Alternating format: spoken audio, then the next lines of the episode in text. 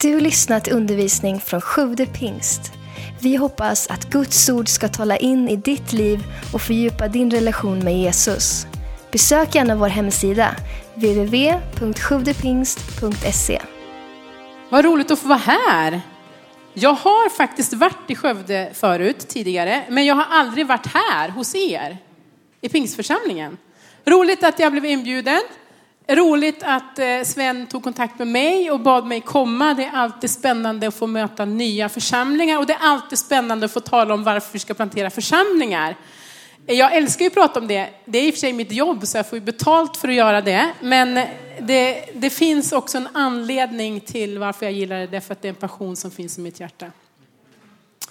Jag heter alltså Katrin Nygren, bor i Eskilstuna men jobbar inom Evangeliska Frikyrkan och har i fem år någonting som varit, varit ansvarig för vårt församlingsgrundande arbete inom samfundet. Så jag känner ju Niklas Mörling som har det ansvaret inom pingst och vi har tillbringat två dagar tillsammans den här veckan. Så det brukar vara sådär lite mellanåt som vi ses. Jag skulle vilja börja med att dela två bibelverser med er. Och det är, alltså ibland har man, man brukar prata om att man har livsverser. Sådana här ord som, som följer en genom livet och som blir lite så här motto. Eh, och jag har två sådana. Jag kände här nu innan när jag kom in här att jag, jag ska dela de här som en liten inledning. Eh, och det första är från Kolosserbrevet 1 och 28. Honom förkunnar vi, alltså Kristus. Kristus förkunnar vi. Genom att vägleda alla människor och undervisa dem alla med all vishet för att kunna föra fram alla som fullvuxna i Kristus. Det är för detta jag strävar och kämpar med den kraft som han så mäktigt låter verka i mig.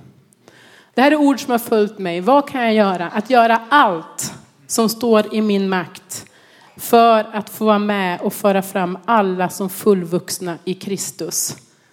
Och samtidigt som jag bär det ordet så påminner Gud mig titt som tätt genom mitt liv om versen i Sakarja där det står att det är varken med styrka eller makt utan med min ande, säger Herren Sebot. För när vi talar om detta och när vi talar om att vi behöver nå nya människor, där vi delar evangeliet med människor, så behöver vi hela tiden komma ihåg att, det, att vi gör det med hjälp av Guds ande.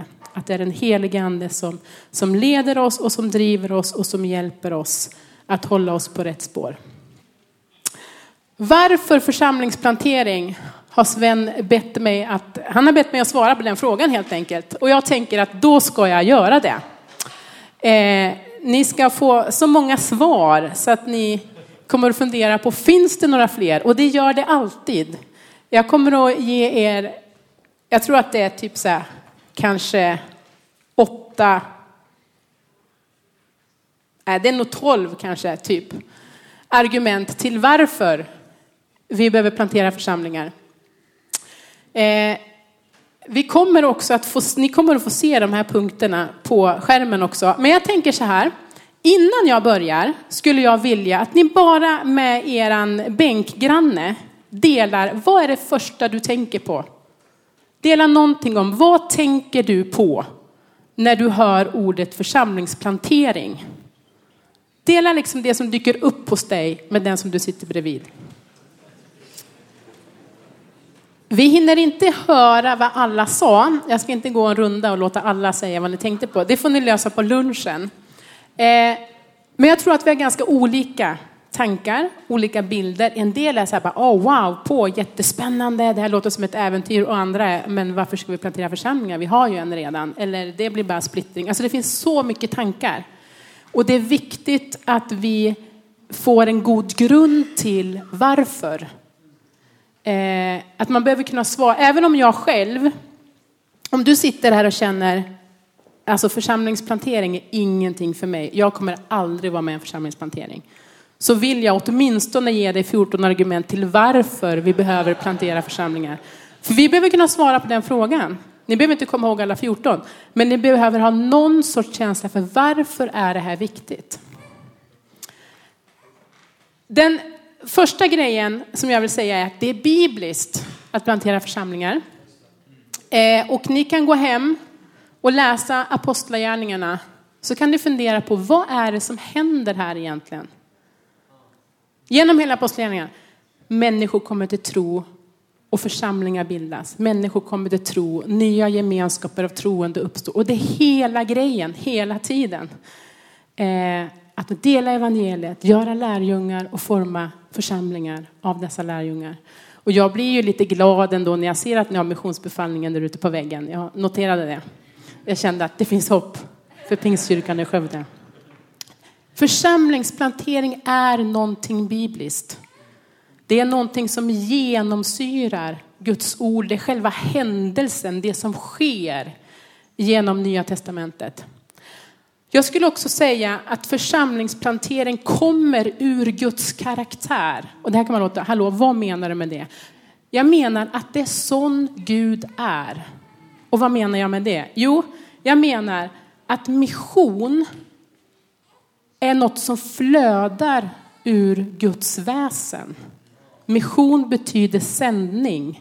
Alltså Gud sänder. Gud sänder sin son och sonen sänder oss vidare. Som fadern har sänt mig sänder jag er, säger Jesus till oss.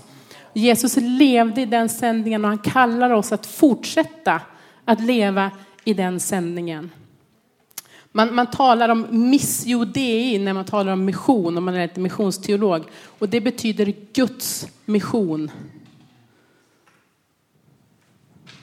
Och det är viktigt att förstå att vi är en del i Guds mission.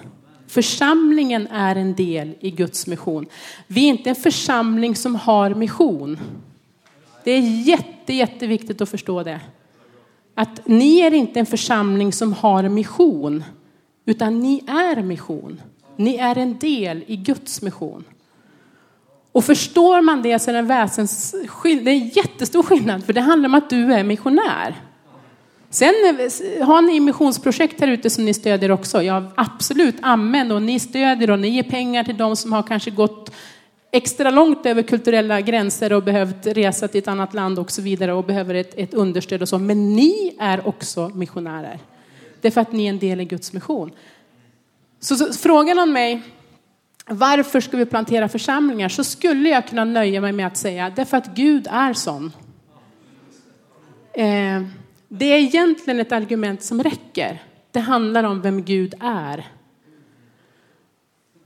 Församlingsplantering är också något väldigt naturligt. Därför att det som är nedlagt i skapelsen, alltså det biologiska, så att säga, alltså det handlar om att, att saker växer sig inte hur stora som helst, utan saker är naturligt, naturligt reproducerande. Och det är även tanken med församlingen. Församlingen är tänkt att vara reproducerande till sin karaktär. Så en hälsosam församling växer sig inte bara större och större och större utan att reproducera sig. Den kan växa sig större och också reproducera sig. Men jag skulle säga att om en församling bara växer sig större, liksom så för sig själv, så är den inte hälsosam. Och med det menar jag också att församlingsplantering inte är något konstigt eller något udda, utan det är något som är självklart naturligt. De här tre första argumenten, de skulle jag säga är basic. Alltså de ger någon sorts grundläggande så, bas att stå på.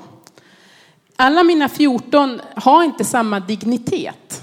Det tror jag ni förstår. Men de här tre är jätteviktiga. För greppar vi de här så förstår vi att okej, okay, det här är verkligen någonting som Gud vill. Det här handlar om vem Gud är. Det är någonting som, som är bibliskt, det är något som Gud kallar oss till. Ett annat som också är otroligt viktigt är att ha ett fokus på missionsuppdraget. Ibland när vi talar församlingsplantering så skulle man kunna få den missvisande bilden att församlingsplantering är målet i sig själv. Att liksom, har vi gjort det, då har vi gjort det liksom. Att det är det som är själva grejen. Men hela poängen med att plantera en ny församling är att nå nya människor. Och det hjälp, församlingsplantering hjälper oss ofta med det. Om vi har rätt motiv när vi gör det från början. Det finns församlingsplanteringar som har felaktiga motiv. Eh, och vi kan se det genom historien. Vi kan, ni kan säkert hitta exempel inom er rörelse om ni tittar bakåt 20-30 år eller någonting och se att det här kanske startade av felaktiga motiv. Där man bara gjorde det för att jag vill ha en församling som jag själv tycker om. Och vi träffas här och trivs och vi gör det som vi tycker. Fast man blir ingen missionerande församling. Och då faller ju hela grejen. Det är inte planteringen i sig själv som är målet. Utan den är faktiskt ett medel egentligen. Eller en naturlig följd av att människor kommer till tro. Det är så vi ser i Nya Testamentet mycket. Människor kommer till tro och det bildas församlingar. Och jag skulle vilja se mycket mer av det i Sverige. För vi vill ju gärna liksom skapa församling först och sen tänker vi att vi ska vinna människor. Och det är bra, alltså det finns fokus på missionsuppdraget det med. Men det skulle vara spännande om vi bara, oj, det är så många som har kommit till tro så vi måste starta en ny församling. Så fokus på missionsuppdraget och att låta en ny församling verkligen hålla det. Att se till att det är det som är orsaken och anledningen. Man kan fundera på varför ger en ny församling ett större fokus på missionsuppdraget. Därför att ni skulle också kunna ha ett stort fokus på missionsuppdraget och det hoppas jag att ni har, eller hur? Det, eller hur? det, det är inte någonting som bara gäller för nya.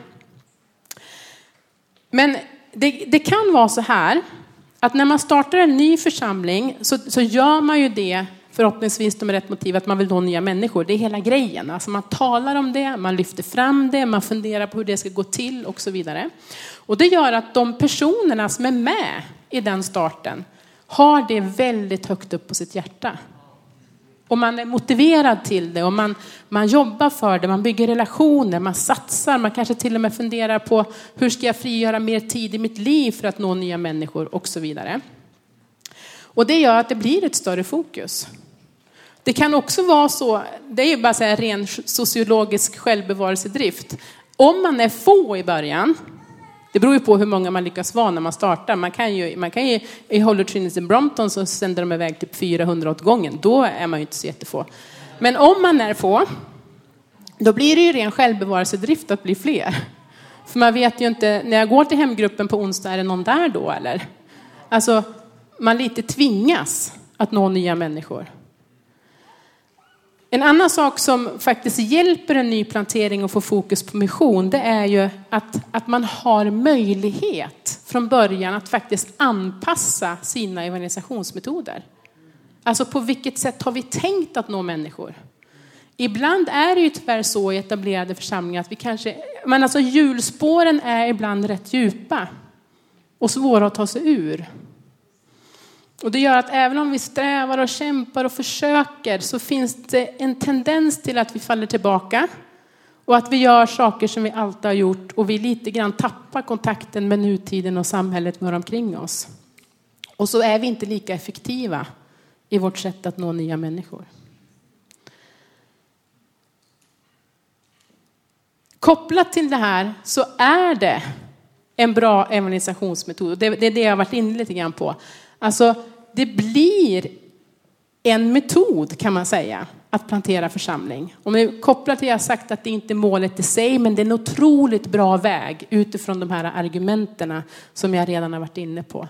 Därför att det sätter fokus på missionsuppdraget, det är lättare att nå nya människor. Det finns ju till och med forskning, den, inte, den har några år på nacken, men som talar om att ju äldre en församling är, ju färre människor kommer till tro. Och det är, det är tragiskt att det är så.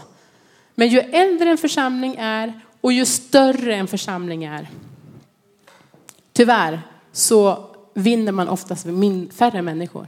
Det är på något vis kanske lättare att luta sig tillbaka och lämna över ansvaret på någon annan. Så det här är en utmaning som vi behöver utmana oss själva i. Att ständigt leva i sändningen.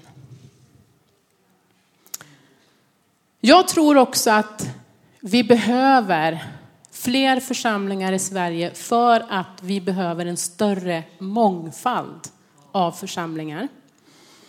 Eh, vi behöver större variation på typer av församlingar, på uttryck, på sätt att mötas, storlekar, geografiska platser och så vidare. Därför att människor är olika. Och ni kanske blir förvånade över att jag säger det här, men jag tror inte att alla människor i vårt land skulle trivas här. Kan det vara så? Det skulle kunna vara så att alla människor i vårt land inte skulle tycka att er församling var den plats man kände att man kände sig hemma på. Jag tror säkert att ni gör allt för att alla ska känna sig hemma. Jag har blivit hälsad på jättemånga människor här och känner mig hemma fast jag aldrig varit här förut. Men ni förstår vad jag menar, alltså stil, uttryck, bara på vilket sätt ni möts, hur ni är. Vi är olika. Och det handlar ju om alla möjliga sorts olikheter. Det handlar ju om ålder, det handlar om etnicitet, om geografiska, sociala, intressemässiga skillnader. Alltså det är ju hur mycket som helst. Och med det sagt så säger inte jag att jag inte tror på en, liksom, bilden av den bibliska församlingen som innefattar alla typer av människor. Men jag tror ibland att vi behöver sätta missionsuppdraget över tanken att alla människor ska passa in i samma rum samtidigt. Eh, ibland behöver vi tänka att jag behöver faktiskt plantera en församling i den här geografiska stadsdelen bland de här människorna som kanske har ett annat, annan etnicitet eller ett annat ursprung än ni själva. Så mångfald. Och jag skulle säga Alltså jag tycker vi är jättedåliga på det här i Sverige. Vi har ändå under de senaste 20 åren sett en del nya församlingar i Sverige. Men jag skulle ändå säga att de är inte så grymt olika varandra.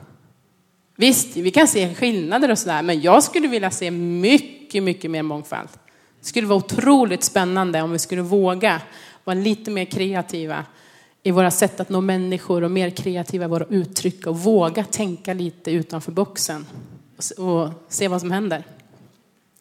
Det kanske är en utmaning till er. Att plantera fler församlingar ökar intensiteten av Guds ljus i ett område. En väldigt komplicerad mening. Vad menar jag med det här? Men jag tänker så här.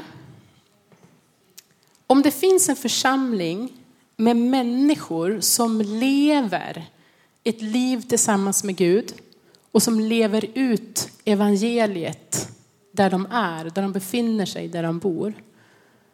Då, då tänker jag att, jag tänker att det är något positivt.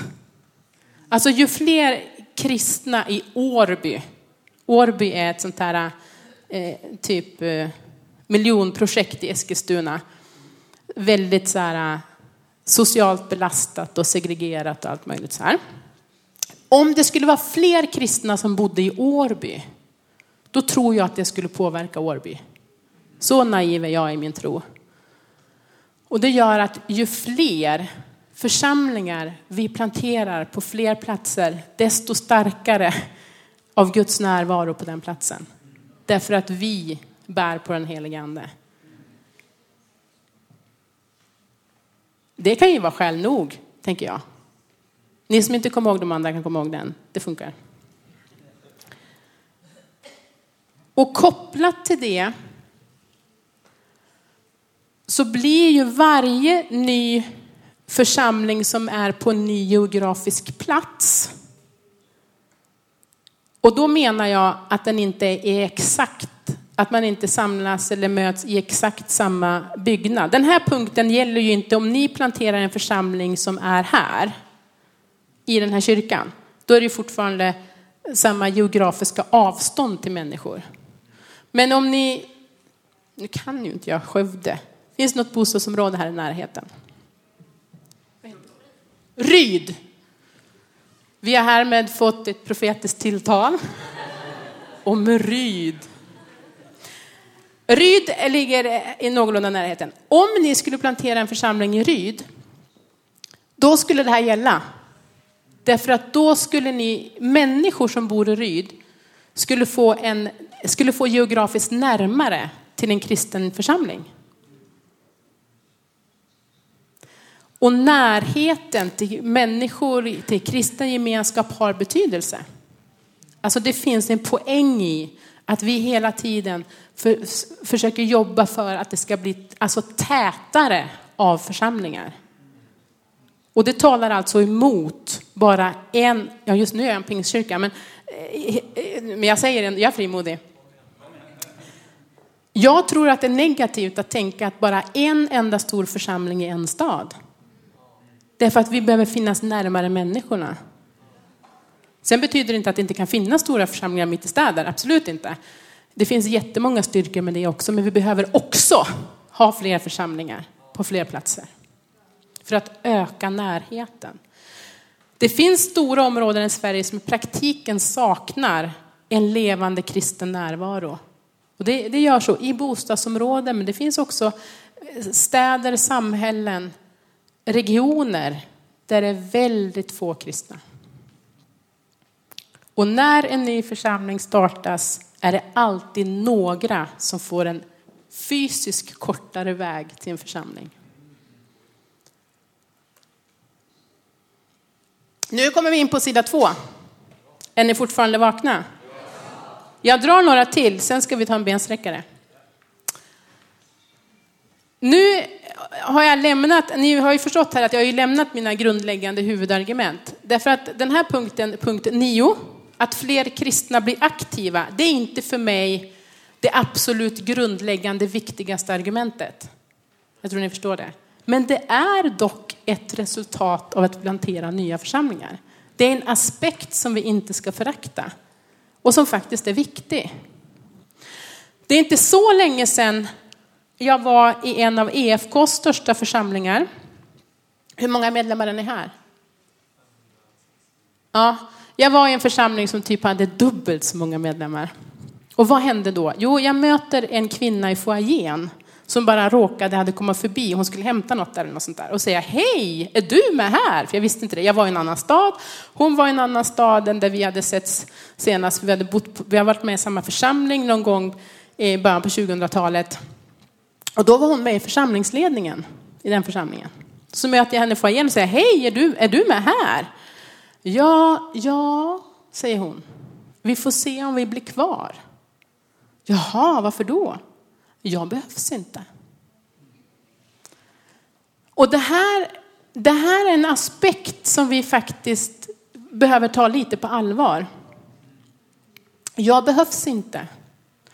Och det här har att göra med, med, med gåvor, att komma i funktion. Alltså vad är det jag bär på? Jag vet inte hur många predikanten ni behöver här till exempel. Men det skulle kunna vara så att det finns tio personer till som liksom verkligen har kallelsen och, och gåvan att förkunna.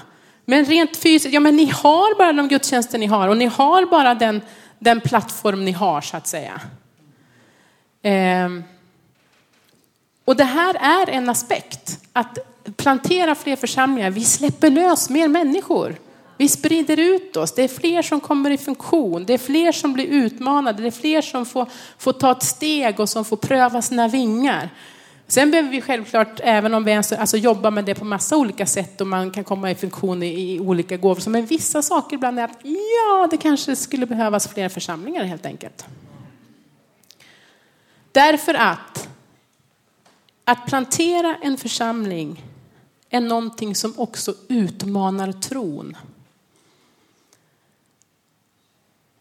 När jag flyttade till Eskilstuna 2001 för att plantera en församling tillsammans med min dåvarande eh, studiekamrat från teologiska utbildningen, teologiska skolan i Stockholm, i Örebro Missionsskola. Då hade vi konstaterat att vi skulle plantera en församling så här och satt och pratade. Och så sa vi så här. Jag sa så här, alltså jag längtar efter att bli mer beroende av Gud. Och om man gör det och vill vara säker på att man kommer och måste bli mer beroende av Gud, då kan man plantera en församling. Det är så här garanterat resultat. Det finns massa många andra saker man också kan välja att göra för att bli mer beroende av Gud. Det är jag helt säker på. Det finns så mycket utmaningar som ni kan ta er an och Gud kanske kallar er och har talat till er om någonting som faktiskt skulle vara väldigt utmanande för er i tron. Men jag är helt säker på att om ni planterar en församling så kommer det att utmana er tro och ni kommer att bli mer beroende av Gud. Det är någonting bra tänker jag. Det är en positiv, mycket positiv följd av att ge sig in i ett planterande arbete. Jag tror att det här också påverkar en sändande församling, en moderförsamling. Skulle ni sända iväg ett gäng och plantera en församling utifrån den här församlingen så skulle det nog också utmana hela församlingens tro. Kanske inte lika desperat som för dem ni skickar iväg. Men jag tror att det skulle väcka bönen i er. Längtan i er efter att få vara med, stötta och se vad är det Gud vill göra. Vad är det som händer? Och ni skulle också få tillbaka något som sändande församlingen. Därför att församlingsplantering vitaliserar andra församlingar. Det är rätt ofta som jag hör motargumentet att det är inte bra att plantera församlingar därför att det blir negativ effekt för den församling som kanske skickar iväg om, man, om det är en församling som sänder människor. Jag hör ju och förstår vad man säger. Eh, och jag tror att det finns, eller jag vet att det finns sådana situationer där det har blivit så. Men jag är av den bestämda åsikten att det inte generellt är så. Därför att det händer någonting. Man får tillbaka någonting. Och det, planteringar vitaliserar också andra församlingar på den plats eller på den ort som man har planterat. Och det som är lite spännande är, nu kan man alltid, man kan alltid ha åsikter om siffror och statistik. Eh, men jag känner ju EFKs sammanhang bäst. Så.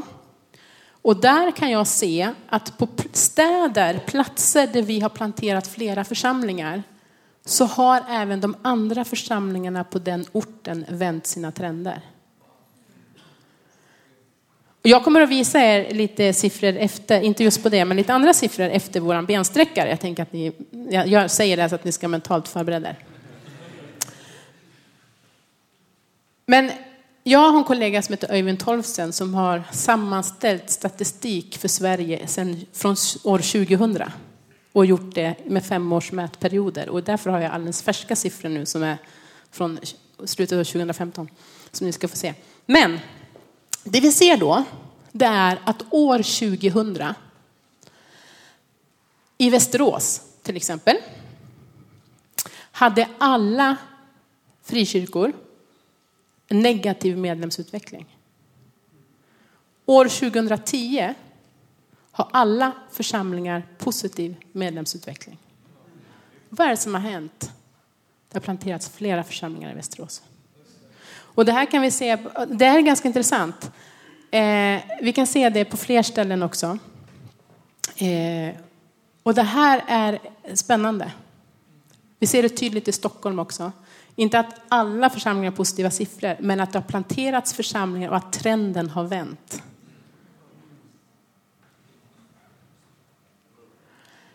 Så jag tror ju att det här är en nyckel. Att det är någonting viktigt och att det inte handlar om att de befintliga församlingarna ska känna sig hotade av det. Jag har uppfunnit ett eget ord för att förklara det här som heter avundsfriskhet. Och någonstans tror jag att det kan ligga någon sorts positiv avundsjuka i det här. För när ni lever här och är här i er församling och så kommer EFK och planterar en till församling i Skövde, då blir ju ni kanske lite så här, mm, oroliga. Och så, funderar, och så märker ni dessutom att människor börjar komma till tro där. Och då kommer ni att börja fundera på, då kommer Sven på nästa församlingsmöte och säga, hallå, den där EFK-församlingen, de döper människor varje söndag. Nu måste vi skärpa oss. Men ni kommer att ställa frågan, vad, hallå, vad gör vi? Vi är ju samma, men hur kommer det här sig? Människor kommer till tro och vi tror inte att människor kommer till tro i Skövde. Det, no, det måste vara något som är fel. Och så tvingas ni på ett positivt sätt att faktiskt söka Gud, tänka tillsammans, prata och fundera. Vad, vad är det vi gör, inte gör som de gör eller som de gör annorlunda än det vi gör? Och så får man lära sig av varandra. Upptäcka saker, se, förändra. Och sen får alla liksom del av det här positiva som händer. Det smittar. Evangeliet smittar ju. Det är ju fantastiskt. Och vidare tror jag att den här positiva förnyelsen sprider sig till hela samfund, hela rörelser. Alltså det skulle kunna sprida sig till fler. Alltså när ni inom pingst säger att oj, wow, det planteras massa församlingar, det börjar komma igång här, så kommer det att generera positiv effekt i hela er rörelse. Så är det. Och det hänger ihop med det här lokala perspektivet, att det sprider sig vidare. Argument nummer 13. Jag sa att det var 14 och det var sant. Det är bara två kvar. Jag, känner, jag drar dem innan vi tar en liten paus. Vi behöver plantera församlingar för att möta människors behov i en föränderlig kultur. Därför att det kan vara så här att frikyrkan inte är mest känd för att liksom hänga med i samhällets kulturella utveckling. Det kan vara så att vi oftast brukar ses som några steg efter. Och en församling, I en ny församling så kan man forma en ny kultur från början. Alltså det blir lättare att göra det. Man kan tänka igenom lite från början. Hur ska vi vara? Vad vill vi betona? Hur ska vi bete oss mot varandra? Hur ska vi träffas? Hur ska vi mötas? Vilken stil? Alltså ni vet, alla de här frågorna är lättare att göra från början. När jag flyttade till Eskilstuna så var det, alltså jag mötte flera pastorer faktiskt i andra församlingar som sa, ja, ni väljer ju den enkla vägen. Då säger jag, not. Jag håller med om att det ur den här aspekten är lättare. Men det finns otroligt många aspekter, andra aspekter, som gör att det är väldigt utmanande och jobbigt och svårt att plantera en församling. Eh, så jag säger inte att det är enkelt, men jag säger att man har möjlighet att börja från början och tänka igenom vissa saker och det är positivt. Jag tror att det är bra. Det går lite snabbare. Men det är också viktigt att då tänka igenom från början och göra rätt.